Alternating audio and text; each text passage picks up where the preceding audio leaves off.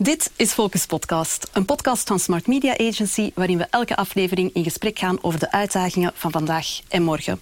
En die uitdagingen bevinden zich steeds meer in de digitale wereld, want ik vertel geen geheimen, we leven en werken steeds vaker online. Digitaal ondernemen is dan ook het nieuwe normaal. We kopen in webshops, we werken samen maar toch apart in de cloud en we ondertekenen contracten en documenten virtueel van op afstand. In zo'n wereld vol online interacties is data en identiteitsbescherming belangrijker dan ooit. Want hoe verzeker je dat niemand met al die data aan de haal gaat? Hoe bewijs je online dat je wel bent wie je zegt dat je bent? En hoe garandeer je de cyberveiligheid vandaag en morgen zonder in te boeten aan gebruiksgemak? Al die uitdagingen bespreek ik vandaag met Ronald de Timmerman, VP Strategic Sales bij Global Sign. Dat is een van de grootste aanbieders van betrouwbare identiteits- en beveiligingsoplossingen. Brian Broekaert, IT-softwarearchitect en zaakvoerder van IT-consultancybedrijf Egelke. En Steven Maas, Sales Director Encryption voor de Benelux bij Thales Groep. En dat is dan weer wereldleider in geavanceerde technologieën voor onder andere digitale identiteit en beveiliging.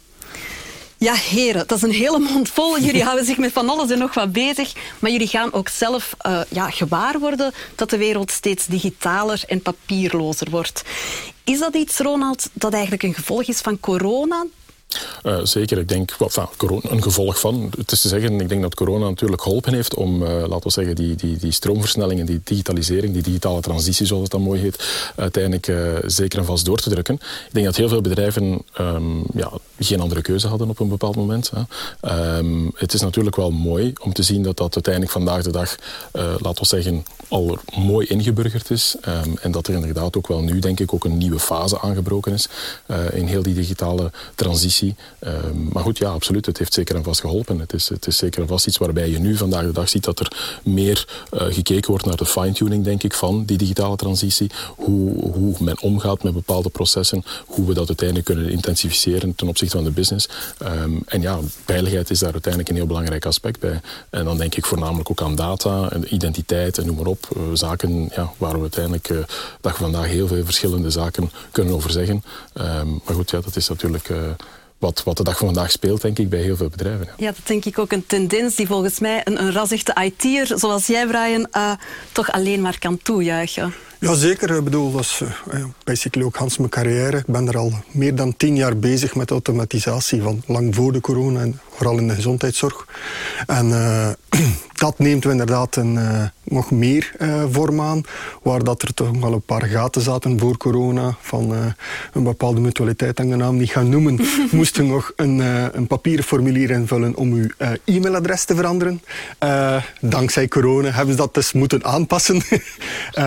dat is gegaan. Niet met vallen of stoten, er zijn daar moeten voor zoiets stoms tot hoge escalaties gaan. Maar goed, uh, het resultaat is er. Dus ja. als ik goed begrepen heb, kun je het nu wel doen. En daar ben ik wel heel blij om. Ja, zo zag je waarschijnlijk nog wel meer zaken van papier naar digitaal springen. Ja, we zijn nu net live ook inderdaad met uh, uh, het aanvragen van uw uitkering bij de... Um, allez, niet de mutualiteiten, maar de... Allee, uh, de vakbonden voor u, als je dus werkloosheid wordt, kunt je dus sinds kort nu via het platform dat ik bouwen heb, uw, uw handtekening zetten, uh, zonder dat je speciaal een EID moet hebben. Want ja. EID is leuk, maar het is niet altijd even gemakkelijk om uh, overal te gebruiken. Oké, okay, dus we worden meer digitaal en het wordt ook vlotter digitaal. En dan denk ik dat ik zonder overdrijven mag zeggen dat Thalesgroep achter die digitale handelingen bijna altijd wel ergens verborgen zit. Wij zijn vaak verborgen inderdaad op de achtergrond. Wij leven inderdaad heel veel technologieën die inderdaad uh, in de achtergrond werken. Zoals wanneer kom ik Thales tegen? Als je een betaling online doet, denk ik, dan passeer je via verschillende van onze technologieën. Um, als je inderdaad in je wagen stapt die connected is, uh, die heel veel uh, systemen, certificaten, keys heeft, uh, je moet op een veilige manier ergens geraken, dan kom je inderdaad in aanmerking met, met die uiteindelijk ja, die, die, die keys, die, die connecties gaat beveiligen. Ja, ja. Het is ook een, een voorstander van digitalisering. Inderdaad, ik zeg het, die digitalisatie is eigenlijk een enabler voor ons om onze oplossingen in de markt te gaan zetten. En inderdaad, we zien daar toch wat uh, ja, nieuwe technologieën ook naar voren komen daardoor. Hm, ik hoor positieve verhalen, ik hoor enthousiaste innovaties. Ik hoor toch ook in de pers dan wel wat uitdagingen. Want naast al die voordelen hoor ik ook wel soms over datalekken, over cybersecurity. Is al dat digitale, al die data dan wel veilig? Uh, absoluut. Ik denk uh, uiteindelijk zijn er heel veel verschillende middelen de dag van vandaag om, om, om data te beveiligen. Dus natuurlijk dat gaat van, laten we zeggen, de, een eenvoudige uh, laten we zeggen, aanlog op een systeem, authenticatie die je uiteindelijk op een beveiligde manier wil gaan doen. Het wezen als eindgebruiker, het wezen als device, het wezen als weet ik veel wat. Binnen heel die, heel die connected chain, zal ik maar zeggen, die er is. nadien heb je natuurlijk ook nog de data zelf die uiteindelijk moet beveiligd worden. En de communicatie op zich. Je hebt natuurlijk enerzijds communicatie online. daar ga natuurlijk natuurlijk verschillende data sowieso gaan, uh, gaan transmitten. Die data moet op zich beveiligd zijn. Uh, dat kan je doen door middel van digitale certificaten, dat kan je doen door, door een bepaalde encryptie toe te passen, uh, al dan niet. Uh, en dan natuurlijk, dan, daarnaast heb je natuurlijk ook nog op, op serverniveau zelf uiteindelijk ook nog de, de beveiliging die plaatsvindt. Het is niet louter, laten we zeggen, er zijn verschillende niveaus op dat vlak, uh, waarbij je eigenlijk uh, ja, gaat kijken, um, vooral binnen het IoT-verhaal ook, hoe, die, hoe die zaken zich uiteindelijk dag vandaag meer en meer uiteindelijk manifesteren, zal ik maar zeggen. Vooral op het beveiligingsvlak dan. Ehm, ja, security by design wordt dikwijls vermeld. En ik denk dat dat uiteindelijk heel belangrijk is. Je ziet ook binnen ja, bepaalde infrastructuur, denk ik, al die bepaalde, uh, die, die, ja, die, die uiteindelijk ook vanuit een, vanuit een initiële project uh, reeds uiteindelijk een nood heeft naar een security. Um, en die bewustwording is er dag vandaag toch wel veel dieper, denk ik. Ik geloof het, klinkt ook geruststellend dat beveiligd wordt, maar als ik eventjes terug inpik op, op de pers, is het, is, wordt er dan te veel geroepen over cyber? Het gaat soms wel verkeerd. Okay. Um, bij een vorige klant van me hebben we inderdaad op, net toevallig op twee dagen voordat GDPR invoegen gaat, moeten een volledige service afzetten, omdat het gewoon helemaal niet beveiligd was. En daar vind ik inderdaad dat GDPR is ambetantig op veel vlakken, maar het heeft wel zijn doel en daar is het heel nuttig geweest, want we mochten er nooit iets aan doen als IT'ers, want er was geen geld en het werkte en dat dit. Totdat in één keer de CEO ging moeten een handtekening zetten, ja, ik neem persoonlijke verantwoordelijkheid om dat verder te doen. En dan mochten we het in één keer wel afzetten, kregen we wel budgetten moeten fixen en dergelijke. Dus de middelen zijn er, dat ben ik helemaal akkoord. Maar de menselijke factor en het commerciële factor is soms een beetje waar dat het probleem zit. Want het is die mens, die CEO, die verantwoordelijk is in die end zal hij verantwoordelijk zijn. Dus uh, elk, uh, alles wat je eigenlijk van data gaat in de cloud zetten of on-premise gaat gebruiken, dat blijft uh, de verantwoordelijkheid van het bedrijf zelf. Dus uiteindelijk of het nu gaat over PII, Personal Identifiable Information, mm -hmm. dus persoonlijke data van mensen, of uiteindelijk je kritische bedrijfsinformatie, je klantinformatie. Jij blijft uiteindelijk als bedrijf ook verantwoordelijk voor waar die data zich gaat bevinden. Dus, en niet de beheerder van die cloud? Sorry? En die beheerder van die cloud niet? Die beheerder van die cloud, uh, nee, die, die zal, zal wel claimen dat hij op een veilige manier die data gaat, uh, gaat bewaren. Maar uh, ik zeg het van eindverantwoordelijkheid ligt bij jou. En ja, er zijn technologieën om die controle te gaan terugnemen. Dus in dat opzicht bestaan er wel middelen om dat te gaan, ja, gaan opvangen. Ja, want hoe, hoe zorg je, als die eindverantwoordelijkheid toch bij jou was, als ondernemer, als CEO ligt, hoe zorg je er dan voor dat je in eerste instantie al, al je data beveiligt? Ik denk security by design is uh, gewoon aan aan. Ik denk dat het enorm belangrijk is op het moment dat je een applicatie, dat je iets gaat doen in de cloud, dat je die security van in het begin gaat meenemen. Ik denk dat dat key. Ik denk als je dat niet doet, dan als je dat niet moet gaan toevoegen, wordt het tien keer zo complex, tien keer zo duur. Dus ik denk dat is de eerste stap. En ik denk ook uh, awareness bij de mensen. Ik denk uh, als je awareness bij de mensen, denk je gezond verstand gaan gebruiken. Het, threats komen niet altijd van outside. Threats kunnen ook van inside komen, van mensen die uiteindelijk bepaalde handelingen gaan doen. Dus ik denk belangrijk daar ook van die awareness van de mensen te gaan, eh, te gaan creëren. Ik denk dat het ook is een beetje, je ziet het natuurlijk, je moet het eigenlijk op verschillende niveaus gaan bekijken. Zeker dag van vandaag, we hadden het net over die digitale transitie. Als je ziet, uh, vandaag zijn er zoveel verschillende componenten in dat verhaal. Uh, dat mensen natuurlijk, men gaat digitaal, men, men, men, probeert uiteindelijk in te loggen op iets. Het werkt niet, het werkt wel. Men denkt van oei, dat is niet veilig. Uh, maar denk maar aan, aan, een eenvoudige app zelfs. Hè. Men, men, gebruikt het op een, op een mobile. Die mobile gaat naar, naar, naar een netwerk. Dat netwerk gaat naar een server. Eh, die server heeft uiteindelijk bepaalde data die, die hij moet verwerken is een bepaald, uh, laten we zeggen, regencapaciteit, noem maar op. Enfin, er zijn zoveel verschillende componenten in heel dat verhaal, uh, dat je eigenlijk ook, denk ik, vanuit een onderneming moet gaan kijken van oké, okay, goed, je gaat het eigenlijk op een soort uh, ja, stacked niveau eigenlijk gaan, gaan, gaan benaderen. Ja, stapsgewijs. Ja, ook, ook van oké, okay, op welke manier ga ik hier de beveiliging toepassen en, en, en, en hoe gaan we dat uiteindelijk fine-tunen gaandeweg in dat proces. En daar kom je dan verschillende dingen tegen natuurlijk. Hè. Zowel de eindgebruiker, maar ook uiteindelijk de data die op de server staat. Wat voor servers ga je gebruiken? Ga je daar uiteindelijk beveiligde uh, applicaties gebruiken? Noem maar op. Dus daar gaat het eigenlijk om. Ja, en bij al die stappen goed nadenken, hoe beveilig ik? Uh, ik, ik, hoor dan dat, dat ze de voordeur dicht houden en ook de, de binnendeuren dicht houden. En... Ja, ja, ja dat, dat, die kan natuurlijk een heel eenvoudig voorbeeld dat misschien al heel gecommoditized is, heel, heel, uh, heel gangbaar is de dag vandaag, is gewoon natuurlijk beveiliging van een server uh, middels een, een, digitaal certificaat, een SSL-certificaatje. maar ik denk dan ook verder natuurlijk, hè, zoals als Steven bijvoorbeeld bij Thales ga je dan uiteindelijk over heel andere applicaties, eigenlijk heel andere systemen praten, die dan echt ja, een security hebben van, van origine al uiteindelijk. En dan ga je kijken van oké, goed, welke data gaat over wat voor soort server gaan. En dan, en dan kom je eigenlijk in, in, in, heel, die, uh, in heel dat verhaal te zitten, laten we zeggen.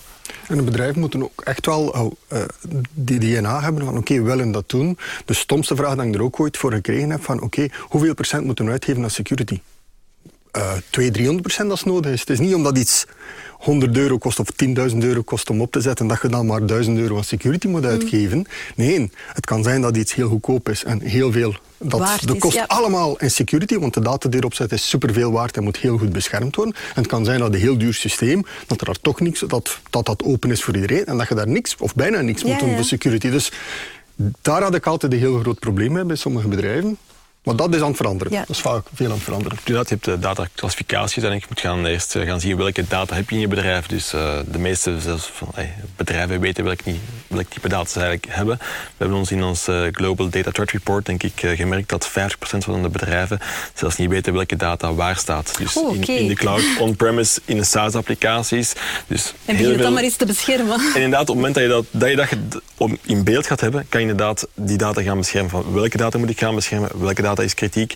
En die kritieke data kan je dan gaan beschermen door middel van inderdaad zowel perimeter security als uiteindelijk uh, data-encryptie te gaan toepassen, key management te gaan toepassen. Ja, want die, die perimeter is, is de toegang proberen te verhinderen. Ja. Die data-encryptie is, is, proberen te verhinderen dat ze begrijpen wat ze gestolen hebben. Op het moment dat ze inderdaad uiteindelijk de data zouden hebben, is er geïncrypteerd. Dus je hebt inderdaad een blob van data die eigenlijk niks waard is. Je hebt ja. dan andere systemen zoals uh, privileged, privileged access management, die uiteindelijk toegang gaat geven alleen aan de mensen die toegang mogen hebben tot de data.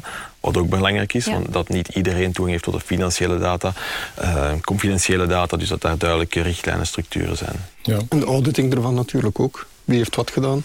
Het zit vaak met ja. medische data, dus we moeten daar heel sterk bij houden. Is van oké, okay, wie heeft, uh, wie heeft het gecheckt? Wie heeft het gecheckt? Ja. Mag allemaal. Hè. Uh, alhoewel dat het ook vaak aan het veranderen is. Vroeger hadden de dokters toegang tot alle medische dossiers. Nu moeten ze een therapeutische relatie hebben. Ze kunnen dingen zelf maken, maar op zijn minst, op minst heb je een trace van wie heeft wat ja. gedaan, wanneer. Je kunt dat ook opzoeken. Er zijn, ik denk niet dat er veel mensen gebruiken, maar er zijn dus publieke websites waar dat je dus kunt kijken wie heeft er mijn medische data bekeken, wie heeft er mijn rijksregisternummer bekeken. En dat is iets misschien wat er ook wel wat meer awareness mag rond zijn, rond die auditing. Want het is goed dat het beveiligd is, maar iemand die recht heeft, moet ook wel een doel hebben. En dat vergeet men soms een beetje. Ja, ja. hebben we... Sorry. Het, het, gaat er mij ook over, om, om nog even terug te komen op, op het feit bijvoorbeeld van de keys. Als we dan kijken van die beveiliging van data's, gebeurt dikwijls door, door, door een key management, laten we zeggen. En daarin zie je dikwijls ook dat een bepaalde policy kan, kan gevolgd worden, al dan niet via een Active Directory enzovoort. Uh, maar dat bepaalde policies gevolgd worden van wie mag nu welke keys gebruiken en wie mag nu uiteindelijk, waar heeft, eigenlijk in andere woorden, waar heeft die persoon toegang toe, of die gebruiker of die, die device uiteindelijk toegang toe. Um, en dat ga je dan eigenlijk doen aan de hand van een soort certificate lifecycle management, gekoppeld met een key management systeem dat erachter steekt. Uh, en dat is eigenlijk waar het om, om, om gaat de dag ja, van vandaag. Ja, dus. het is echt die awareness, want we gaan, hoor ik jullie tussen de regels zeggen, een beetje te laks misschien om met die data? Dat gebeurt, dat gebeurt wel. Maar ik niet heb, iedereen.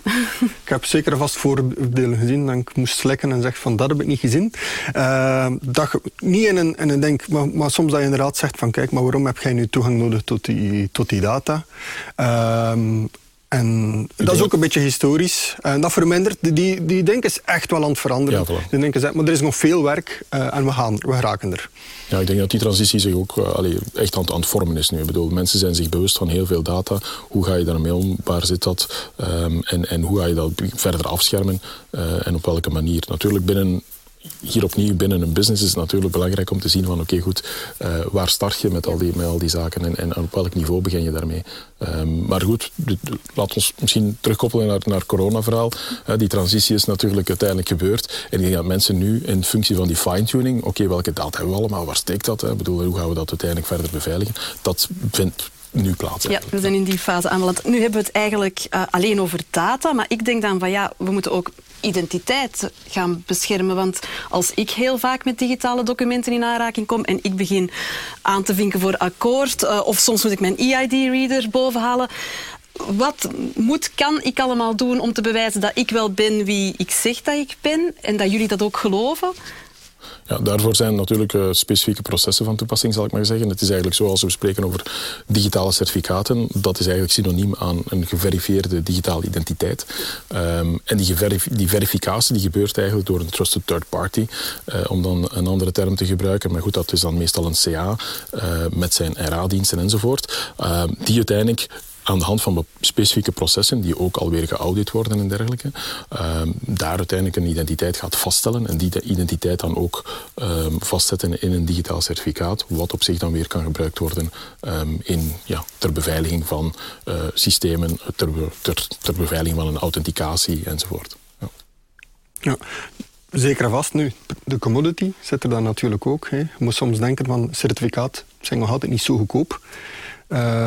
Valt mee, maar als je één handtekening per jaar doet, in mijn geval hebben we vaak dat de mensen één handtekening per jaar moeten doen. Als je daarvoor die mensen een certificaat moet uitgeven, hoe, ze hebben niet op een EID, maar daar hebben ze geen EID-lezer, of moeten ze het doen net op een tablet. Dus je zet er maar, ik ben voor certificaat, gebruik ze elke dag. Uh, ze zijn heel belangrijk, maar ze zijn ook niet de oplossing in alle gevallen. Oftewel dat we echt een oplossing vinden om die heel commodity te maken. Ik denk niet dat we daar al zijn. Misschien hebben jullie morgen iets. Wel, het is natuurlijk zo, als we kijken naar, naar digitale certificaten, op wat is dat gebaseerd? We weten dat allemaal. Hm. Dat is gebaseerd op PKI, Public Key Infrastructure. Als we kijken naar de oorsprong van Public Key Infrastructure, ja, dat ligt eigenlijk al wat al 20, 25 jaar terug. En nu, nu pas de dag van vandaag zien we eigenlijk dat heel die technologie 100% embedded is, zal ik maar zeggen, die in alle toepassingen, in alle services, alle weet ik veel wat uiteindelijk aanwezig is. En dus wordt er eigenlijk gigantisch veel gebruik gemaakt van digitale certificaten, alleen weten heel veel mensen het niet. Um, als we dan spreken in functie van toepassing zoals bijvoorbeeld uh, een digitale handtekening, um, daar ligt natuurlijk de zaak heel wat anders. Ik zou zeggen, als je spreekt over één handtekening plaatsen,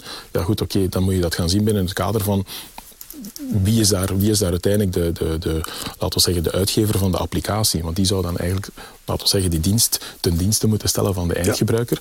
Ja. Um, en dan ga je natuurlijk al over een heel andere schaal gaan spreken. En dan zijn er ook weer heel andere oplossingen die van toepassing zijn. Omdat je gaat zien van, oké, goed, je kan zeggen van, oké, als, je, als je maar enkele certificaten moet zetten, hier opnieuw, dan gaat dat, ook dat weer moet op een beveiligde manier gebeuren, uiteraard. Dus die certificaten worden uiteindelijk gemaakt en gestoord op een secure token.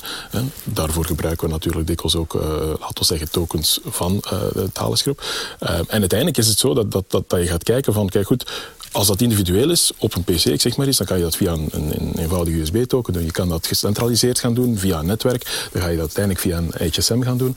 Of je kan dat zelfs gewoon in de cloud gaan doen via een, via een systeem waarbij je zegt van je gaat een digitaal signing service gaan aanbieden. En dan wordt het natuurlijk heel schaalbaar. Dan ga je gaan zeggen van oké, die kost is natuurlijk weer totaal anders. Ja, maar zit nog altijd met de authenticatie dan van de persoon en dan eventueel bijhouden van dat die certificaat. Dus er zijn daar heel veel dingen. Nu, er, uh, er is ook een tendens uh, van bepaalde leveranciers van heel veel ver te gaan. Ik kan het, het voorbeeld noemen. Mijn auto heb ik gekregen, het was geen goedkope, uh, zonder met digitaal te tekenen dat de verkoper mijn naam intipte op het keyboard en op enter duwde. Als ik een tweede auto wou, was dat natuurlijk het ideale moment. Want nou wij dat ze dat kunnen doen. Nu, dat is niet zozeer het probleem van de leverancier, dat is een probleem van de implementatie ervan. En daar zitten we ook vaak inderdaad van dat is een beetje die balans zoeken. En ik denk dat we hem nog niet gevonden hebben. Ik, we gaan het zeker vinden. Maar die balans tussen inderdaad goede security en, ik, voilà, en de commodity, dat we moeten kunnen doen. Je kan moeilijk iedereen een token geven. Je kan moeilijk ja, zeggen, ga even naar de Carrefour achter een token. Ja, maar dat is het ook. Hè. Bedoel, als je kijkt, ik bedoel, we gaan het nu heel eenvoudig nemen. Als we kijken naar EID, ja, dat is nu intussen ook al zoveel jaar uh, invoegen in België tenminste. Uh, daar heb je natuurlijk ook die twee certificaten. één om te authentificeren en één om te tekenen. Dat is nu op individueel niveau. Veel mensen, dat graag toch wel al heel hard ingeburgerd, denk ik. Hè. Bedoel, belastingsbrieven worden dag vandaag toch getekend. Oké, je hebt er een kaartreader voor nodig. Maar goed, oké, goed, dat is of, of via een It's Me-koppeling, een, een IDP. Uh, het, het, gaat eigenlijk toch al heel wat eenvoudiger, denk ik, dan pakweg vijf jaar geleden. dus die zaken zitten ook in die transitie, zal ik ja, maar zeggen. toch bij de EID zie ik toch een zware, een zware, een redelijke decline. In het gebruik ervan. En in mijn wereld toch, bij de medische sector. Door de cardreader waarschijnlijk. Ja, door de cardreader. De cardreader zelf is geen probleem, maar doordat iedereen een tablet krijgt... User convenience, ja. ja. De convenience. Nu, het moet nog altijd secuur blijven, daar is iedereen over eens. Maar die tablet moet ook kunnen gebruikt worden. Maar we spreken hier ook over verschillende identiteiten. Hè. En, want we zijn begonnen met uiteindelijk een, een geverifieerde identiteit. Natuurlijk, als je kijkt de dag van vandaag, um, hebben eigenlijk ja, iedereen heeft uiteindelijk verschillende identiteiten. En identiteit is eigenlijk dat vandaag heel virtueel geworden. Hm. Ja? En die virtuele identiteit moet gewoon, die staat gekoppeld aan een bepaald individu. Uh, maar natuurlijk, je hebt voor iedere toepassing heb je dan een andere, in, een andere identiteit als het ware. En een ander, op een andere manier geverifieerd ook.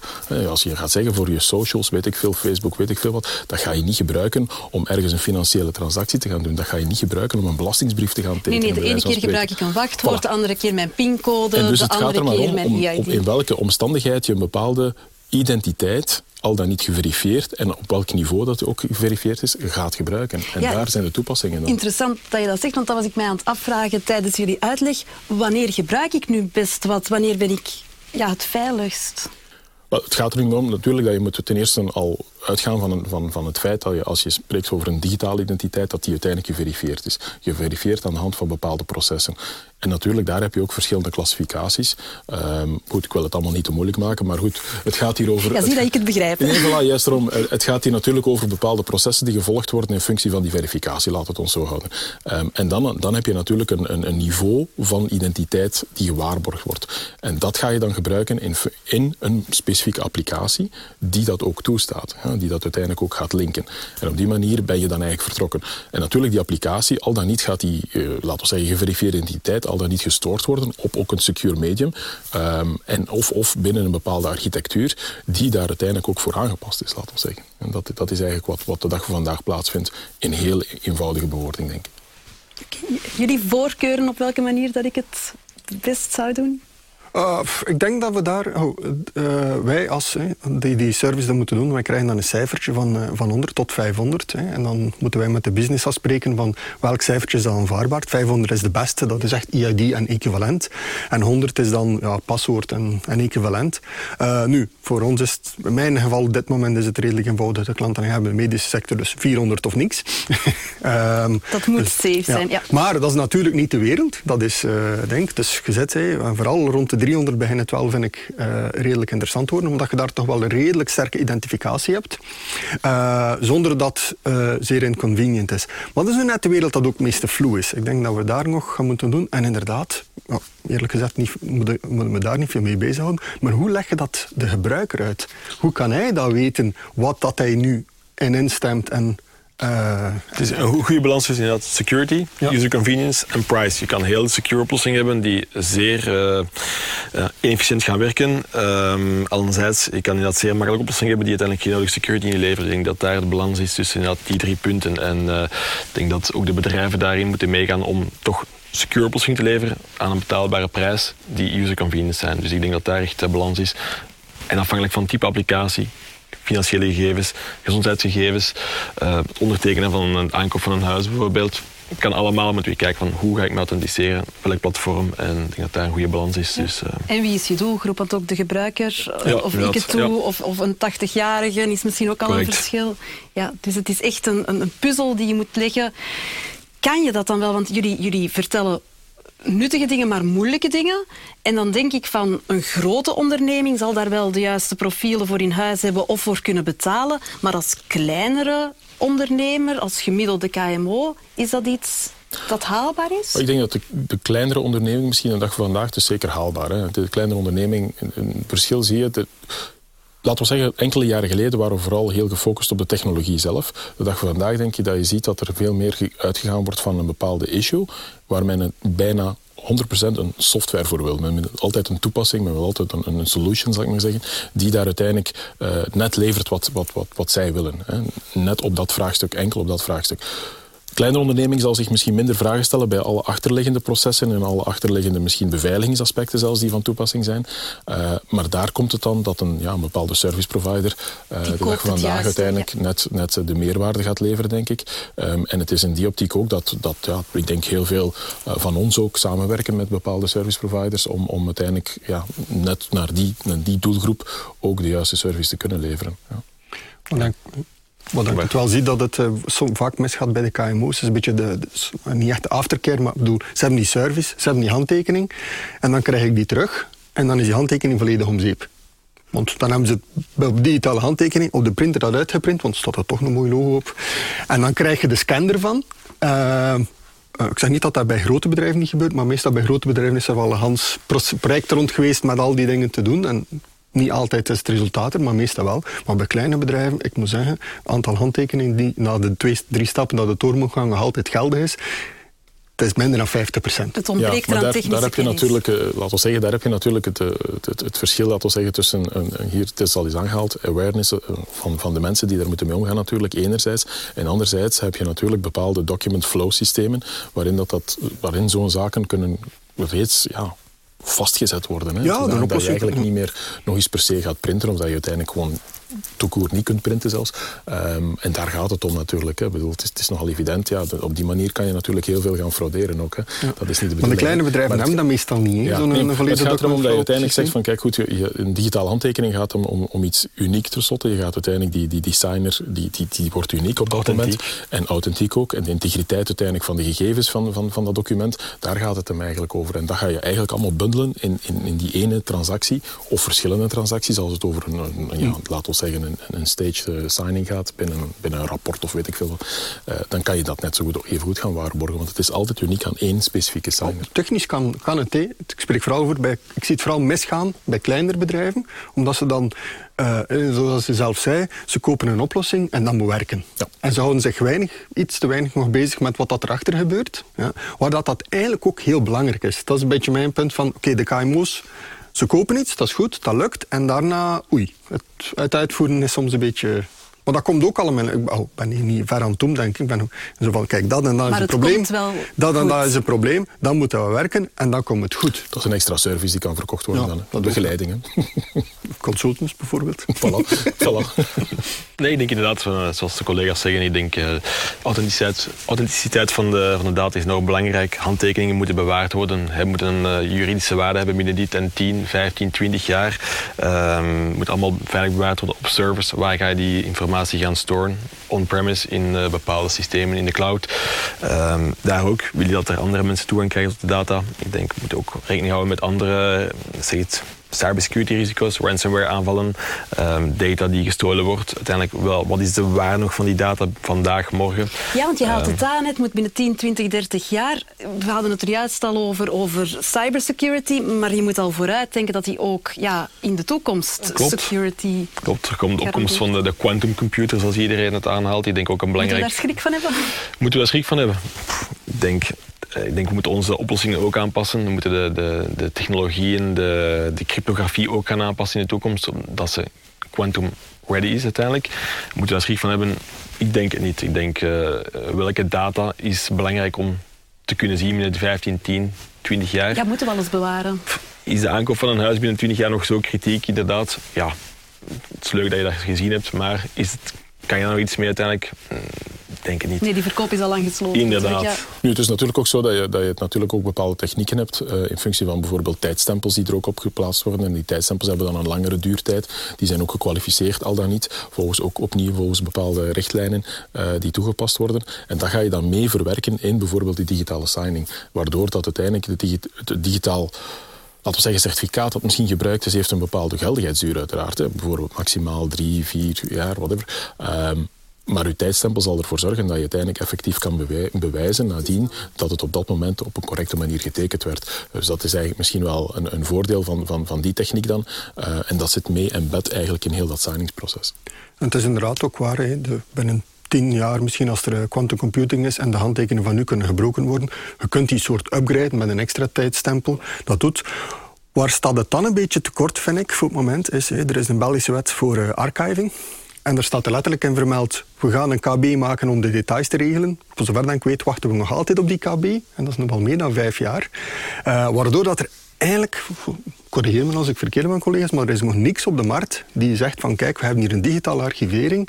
Wat dacht dus inderdaad, binnen tien jaar weet je dat alles nog in orde is. Iedereen doet nu maar een beetje wat hij denkt dat het beste is. Want iedereen wacht nog op die KB en dan de certificatie. Dus het praktische hebben we aangeraakt, het technische hebben we aangeraakt, maar het, het, het wettelijke, daar schort het nog wel? Soms vaak wel.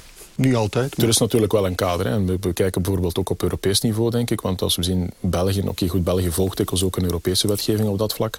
Um, en dan zien we natuurlijk, het EIDAS is, is een van de voorbeelden. Dat is natuurlijk een framework op Europees niveau. Net met de bedoeling om een interoperabiliteit te hebben. Om uiteindelijk die, die, die laten we zeggen, elektronische transacties grensoverschrijdend te kunnen maken. Met ook, een, met ook een juiste vertrouwenslevel die erachter steekt. Um, en waardoor dat je dan natuurlijk kan zeggen van kijk goed, er zijn verschillende toepassingen in in, in de nasleep van, van dergelijk framework, laten we zeggen. Daar heb je natuurlijk standaarden die moeten gevolgd worden. Dat is allemaal heel duidelijk. Um, en niet altijd even gemakkelijk natuurlijk, maar allemaal wel op dat vlak wel duidelijk. En natuurlijk, de toepassing ligt hem net in bijvoorbeeld e-invoicing, e-archiving. Uh, dat zijn dan die zaken waar dan weer heel specifiek um, dingen worden toegelicht maar waar, die, waar dat je eigenlijk ook op, op laten we zeggen, misschien net die, die, die grensoverschrijdende problematiek stuit. Hè? Want dat is net het, net het moeilijke van heel het verhaal.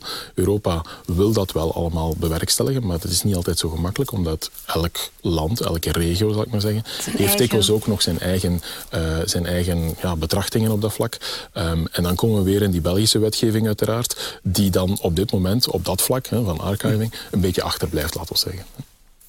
Dat is inderdaad niet op elk vlak. Hè. Dus ik neem je dat aan. Dat is nu, het is gemakkelijk om te schieten op wat dan denk. er zijn zeker inderdaad goede dingen. IDAS is een, is een heel goed iets. ze zijn aan het werken aan IDAS 2, die echt wel de pijnpunten ontheen. De eerste versie ATSI, super voor techneuten zoals ik. Okay. Heel super, heel strikt, maar zo strikt dat het een beetje moeilijk uh, was om dat uh, groot uit te rollen. Dan hebben ze IDAS gemaakt dat ze zeggen van oké, okay, we zetten een beetje de, de sluizen open en we zien wat er gaat. En nu, oh, ze zijn nog bezig, maar nu zijn ze aan het kijken om inderdaad IDAS 2 te maken die terugmaakt dat de interoperabiliteit tussen de landen en dergelijke uh, verbetert. En je kunt dat ook niet allemaal in één keer. Nee. Uh, dus dat, wettelijk beetje... kader gaat er wel komen. Dan is er nog een pijnpunt waar ik aan denk. Nogmaals, voor leken als ik is het allemaal heel ingewikkeld. En dan hoor ik heel vaak, er zijn niet genoeg IT'ers. Dus denk ik, zijn er wel genoeg handen en, en knappe koppen om al die zaken die nog moeten gebeuren te gaan doen. Goh. Ik denk dat, er, eh, dat we in een markt zitten waar dat er eh, toch wel eh, nood is aan, aan wat mensen. Dus ik denk, als je ziet aan dat vacatures die openstaan in, in IT, cybersecurity, denk, ja, ja, ik denk dat misschien ook de moeilijkheid de dag van vandaag ligt. meer, vroeger kon je eigenlijk misschien in, in IT als generalist eigenlijk nog heel ver komen, denk ik. Dag vandaag moet je al heel veel eh, dikwijls niche-kennis hebben over bepaalde zaken. En heb je dus enkel ja, specialisten nodig. En die specialisatie is soms ook maar beperkt in, in, in tijd, zal ik maar zeggen. Als je dan niet mee evolueert in die specialisatie, heb je natuurlijk wel ergens een probleem. Maar dat is misschien ook net waar, waar, waar ondernemingen uh, ja, mee kampen, denk ik. Hè. Bedoel, het, wordt allemaal misschien iets te, iets te specifiek, iets te niche, uh, waardoor je dan telkens ja, een specifieke consultant nodig hebt om die zaken uiteindelijk ja, toe te lichten of verder uh, ja, te integreren in je, in je, in je in je dagdagelijkse business uh, toepassingen die je hebt. En is die consultant genoeg bevolkt? Ja, consultants, ja, zoals zegt generalisten, dat valt mee. Als je inderdaad iemand moet hebben die aan een websiteje meebouwt, dat gaat goed. Of, uh, en dan, dan, hey, dan hebben we ook wat backends en dat begint al wat moeilijker te worden. Maar als je dan in de technologie van de security gaat, ja, dan is dat heel moeilijk. Uh, ik heb één consultant, we zijn met twintig. Ik zelf ben dus ook vanuit dat domein. En één consultant die, die wel oké doet. En dat is nog niet op het geavanceerde vlak. Maar ja, certificaat. Als je dat vraagt in vele consultants. Ik denk dat de helft van de IT'ers niet weet wat, oh, misschien wel weet wat dat is, maar dat er niet dagelijks mee werkt. Dat hoeft ook niet voor allemaal, hè. dat is zeker vast. Ja, en, en ik denk dat het gaat hem niet enkel, bedoel, want ik denk dat misschien dikwijls de connotatie gemaakt wordt naar development dan eigenlijk, en, hm. en de development rond die verhaal. Ik denk developers op zich is nog niet zo de grote issue op zich, uh, spreekt me tegen, maar uh, ik denk dat, dat uiteindelijk de moeilijkheid, de moeilijkheid zit hem vooral denk ik in functie van alles wat er komt bij kijken, in functie van compliance en al die verschillende zaken, de, de datasoevereiniteit enzovoort, die van toepassing is. En dat moet je eigenlijk eigenlijk allemaal kunnen incorporeren in datzelfde traject, in datzelfde proces. En dan wordt het eigenlijk moeilijk. Uh, en dan gaat het niet louter over, over een beetje coderen en, en, en weet ik veel. Uh, dan gaat het echt over ja, de toepassingen. Hoe ga je dat implementeren? En hoe ga je die verschillende toepassingen zelfs op elkaar kunnen laten afstemmen, zodanig dat ze nog steeds compliant zijn. Want dat, wordt, uh, dat is dikwijls de grote hamvraag. Ja, ja dus een warme oproep naar, naar specialisten. Maar daar heb ik minder op. En mijn persoonlijke ding is er altijd een DPO, security officers en dergelijke. ja. Die zijn meestal goed bestaft. Um, mijn persoonlijke ervaring is dan, oké, en dan de mensen die het moeten uitvoeren, dan schieten ze kort. Hè. Dan, oh, dan, moet ik wel mensen zoeken. Maar dan om mensen te zoeken die dat adequaat kunnen uitvoeren, dat is het ook. Hè. Want het is één iets om te zeggen van het moet zo. En dan iemand van ja, dat zal wel lukken. En dan doet hij maar iets. Want die audit ervan, is dat in orde? Dat is het moeilijkste van al. Ik denk dat daar service providers, technology providers, zoals uiteindelijk uh, ja, er genoeg zijn, wij ook uiteindelijk, bepaalde tools geven aan de bedrijven om ik zeg, dat makkelijker, uh, dat beter auditable te maken. Inderdaad, rekening houden met alle richtlijnen die er zijn, DORA, NIS 2, Shrems 2 van uh, datasoevereiniteit enorm belangrijk. Van welke data ga ik in de US cloud steken, wat mag niet. Heel veel richtlijnen, dus ik denk inderdaad IT is één ding, juridisch is het andere, technisch. Wat kan, wat niet kan. Ik denk dat daar enorm uh, wat uitdagingen liggen. Dus het is niet uh, straightforward meer zoals, zoals vroeger. Nee, nee, nee. En nog heel wat werk op de plank. Want ik denk dan, het is wel waar dat we naartoe gaan. Die, die stapels papieren, de, de, de papieren bestelbonnen, de archiefkasten. Dat gaan wij allemaal zien verdwijnen. We gaan, hoe langer, hoe digitaler. Wordt het, wordt het allemaal digitaal ooit? Het is, het is, natuurlijk, ja, goed, uh, digitalisering is hier to stay, zal ik zeggen. En zeker in functie van het, uh, het AI-verhaal, denk ik, uh, dat we recent nog maar gehoord hebben. Ehm, ja, goed, dat, dat kan je niet meer wegdenken. Maar het is wel zo dat ik toch wel nog altijd van mening ben dat er tussen technologie en laten we zeggen human factor, dat daar uiteindelijk nog altijd een bepaalde dynamiek is. Um, het is namelijk zo dat, dat volgens mij er moet nog altijd een bepaalde adoptie zijn van technologie. En die adoptie die wordt nog altijd gedaan door ja, de eindgebruikers. Ja, de mens moet het de gaan mens, doen. Ja. En uiteindelijk, als je dan ziet, uh, hetzelfde verhaal misschien, en dus misschien, ja goed, ik, ik, kijk het nu vanuit mijn hoeken, maar uiteindelijk als we kijken naar digitale certificaten, net, net hetzelfde verhaal. Technologie bestaat al heel lang, is eventjes verketterd geweest zelfs, en is nadien uiteindelijk volledig in bed in alle systemen. En nu pas wordt het zo veelvuldig gebruikt, dat het eigenlijk gewoon ja, impliciet aanwezig is. Ja? En, dat, en, dan heb je zoiets van, oké goed, toch maar raar dat zoiets dan uiteindelijk zijn tijd nodig gehad heeft. En dat is dan ook een, een technologie, hè, 20 jaar avant la lettre blijkbaar, maar nu vandaag de dag zodanig aanwezig. En dus net hetzelfde met, met hoe gaan we daarmee om naar de toekomst toe. Het gaat misschien allemaal wel wat sneller, het wordt misschien allemaal wel wat specifieker, uh, maar toch moet je gaan kijken van, oké goed, er is ook die, die maatschappelijke uh, nood, denk ik. Hè. Ik bedoel, je, je hebt ook nog de economische nood, denk ik, als je gaat zien van, vanuit een business je kan het niet meer wegdenken om ja, te digitaliseren. Dat kan gewoonweg niet meer. Nee, die business wordt ook bevolkt door steeds jongere mensen die die digitale mindset misschien Correct, ja. Ik denk inderdaad uh, een, een, nieuwe generatie die eraan komt, die opgegroeid is met uh, smartphones, die opgegroeid met, uh, met tablets. inderdaad, papieren overschrijvingen kennen ze niet meer. Ik denk zelfs betalen met geld. Ik zie mijn dochter ook al met, de, met de kaart tegen, tegen het machinetje houden, om het zo te zeggen. Dus ja, je ziet daar bepaalde technologieën die, die komen. Natuurlijk moet oppassen dat, dat we niet blindelings in alles meegaan, dat we daar ook de nodige security aan toe, toevoegen. je wilt niet dat je auto gehackt kan worden. Zijn voorbeelden genoeg van uh, bepaalde hacks.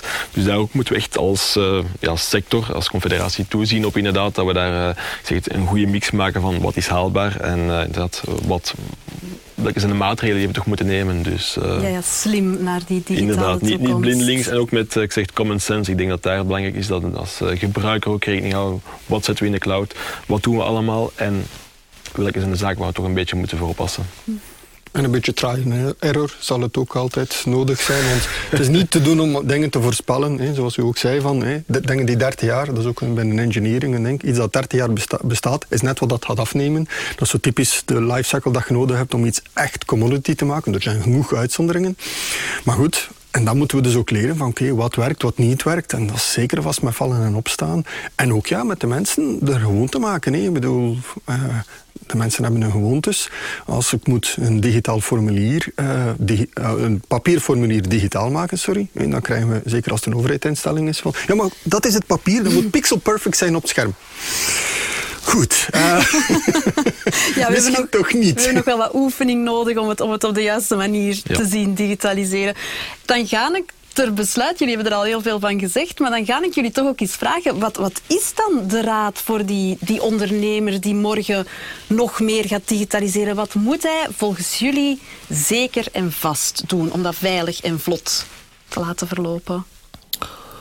Ja, ik denk gewoon een, de, de, implementatie eigenlijk moet, moet uh, gestaag gewijs uiteindelijk verder zijn doorgang vinden, denk ik, in, uh, in, in, de verschillende processen binnen een onderneming. En, en daar kan je gewoon niet buiten. Het is niet zo dat je kan verwachten dat alles ineens gebeurt. Um, maar ja, goed, uh, awareness, we hebben het er net al even aangehaald. Uh, de, de, de, implementatie in, in, de architectuur zelfs. Um, dat is heel belangrijk, denk ik. Van ja. bij het begin... Je hoofd erbij halen. Security by design eigenlijk ja, meepakken. Ik denk ja, dat dat van bij het begin is. denken van, oké okay, goed, hoe moet ik dat gaan doen? En waar zit mijn security factor? Niet op het einde, op het moment dat een project eigenlijk al nagenoeg ontwikkeld is, dan pas aan security gaan denken. We zien dat ook bij, bij, bij heel veel IoT-projecten dag vandaag, als je ziet. Ja, goed, dat is, dat is net hetzelfde verhaal, denk ik. Uh, vroeger ging men uiteindelijk al iets, iets uit, uitwerken, zal ik maar zeggen. En dan pas, oei, ja, we moeten dat eigenlijk ook nog secure maken, want die, die communicatie tussen die devices, dat moet secure. En dan plots blijkt dat er niet te veel uh, bandwidth is of weet ik veel wat. Ja, goed, het is natuurlijk zoiets dat dag van vandaag is die, denk ik, omslag wel al gemaakt bij heel veel, uh, bij heel veel IT'ers en, en noem maar op. Om, om, ja, laten we zeggen, daar toch wel al direct te denken, is dat wel secure? Mocht je nu als, zaakvoerder nog niet zo ad rem en van bij het begin, wat is dan de gouden raad om vandaag toch zeker te beginnen doen in je, in je bedrijf? Of welk product, welke tool, welke service moeten ze zeker toch in huis halen? Ik denk dat dat zeer individueel is. En ja, ik zeg ook inderdaad van, doe het stap per stap. Uh, bekijk het ook van A tot Z. Nee, dus niet van enkel dat product en uh, laat u zeker niet in de lurven leggen door een, een sales. En dat is goed en dat product is goed, maar bekijk het in de big picture. En met de juiste kennis van zaken. Dus omring je door met de juiste mensen, uh, permanent of tijdelijk, zodat ze een beetje kunnen uh, van A tot Z opvolgen. Uh, en niet van, oké, hier is het product, hier is het onderwets gezegd, hier is de cd en, uh, of hier is de key. Ja, en, uh, ja, ik denk, en ik denk ook dat binnen, binnen die context is het niet meer de dag van vandaag dat één, uh, één bedrijf, know it all, dat is niet meer van toepassing. Het is eigenlijk dikwijls een, een samengaan van verschillende, zoals er net al gezegd, het zijn allemaal verschillende componenten. En die componenten, iedereen heeft zijn sterkte. En het is dikwijls het samengaan van die verschillende bedrijven, van die verschillende toepassingen, die daar eigenlijk zorgt voor een, voor een juiste oplossing die op maat dikwijls dan toch wel de dag van vandaag op maat gemaakt is naar, naar de onderneming toe. En ook afhankelijk van welke sector je in zit. Ja, absoluut, ben je in de defense, ben je in finance, ben je daar actief. Heb je andere noden als een bedrijf, een KMO uiteindelijk, die bepaalde ik zeg, services levert. Dus ik denk daar moet je gaan kijken van wat is haalbaar voor jou als bedrijf. Uh, welke investering moet ik doen? Wat wil ik zelf naar digitale ik zeg het, transformatie gaan doen? daar moet je gaan kijken wat, uh, wat kunnen we. En afhankelijk van daar zeg het, staan er genoeg leveranciers, uh, providers die bepaalde oplossingen end-to-end kunnen aanleveren. Dus ik denk daar moet je wel bij stilstaan. Als, ja, ja, durf hulp te vragen, durf de juiste tools of service in huis te halen. Ja. En ook geen schrik hebben dat het dan te duur of te hard boven je hoofd gaat. Zijn. Nee, want stel dat je inderdaad gehackt wordt of er is een ransomware aanval, dan lopen de kosten vaak veel hoger op dan inderdaad dat je dat zegt van bepaalde technologieën gaan uh, proactief implementeren. Dus ik denk dat het bewijs hier, we zitten hier in Antwerpen, dat het bewijs hier geleverd is dat de stad er x aantal uh, maanden uitlegt met bepaalde services. Ja, die schade loopt in de miljoenen. Dus ik denk dat we daar... ja, ik denk dat we daar inderdaad moeten bij stilstaan. Ik denk, ja, proactief. En durf, en durft ook aan te passen. Ik bedoel, het is niet Doe niet een like voor like. Hè, zoals ik zei, die, die papierformulieren, elektronisch formulier. Doe niet like voor like. Kijk van, wat is je doel? Wat zijn je functionele noden? En zoek dan de beste IT. En binnen IT is zo flexibel dat je vaak redelijk verschillende processen en dergelijke moet opbouwen uh, om het meer optimaler te maken. Uh, en dat geldt ook voor security. De security dat je fysisch hebt, is niet de security dat je digitaal hebt. Nee, dat klopt. En, en, die digitaal, dat digitaal aspect ga je dan uiteindelijk direct ook... Er, is, er is een digitale transitie. En dus op dat vlak zijn we sowieso al met een beveiliging bezig. Uh, want die is, die is quasi ja, inherent, zal ik zeggen. Um, en daar ga je dan ook kijken van... Oké, goed, digitaal signing is, is, is, is ook een van die zaken die uiteindelijk dag na dag meer zijn ingang vindt uiteindelijk. Hè. Dus het, is, het maakt allemaal deel uit van één grote, één grote schakel, één grote ketting, zou ik maar zeggen. Spannend, spannend. Dat zijn mooie vooruitzichten um, voor elke ondernemer en elke uh, security specialist, denk ik dan. Uh, bedankt voor jullie advies. Ik hoop dat we de mensen daarmee vooruit hebben kunnen helpen. Uh, ik bedank jullie ook nog eens apart. Steven Maas van Thales Groep, Brian Broekaert van Egelke en Ronald de Timmerman van Global Sign. Bedankt voor jullie en jullie goede raad. En voor jullie bedankt om te kijken en om te luisteren. En tot een volgende. Bedankt. Dank je.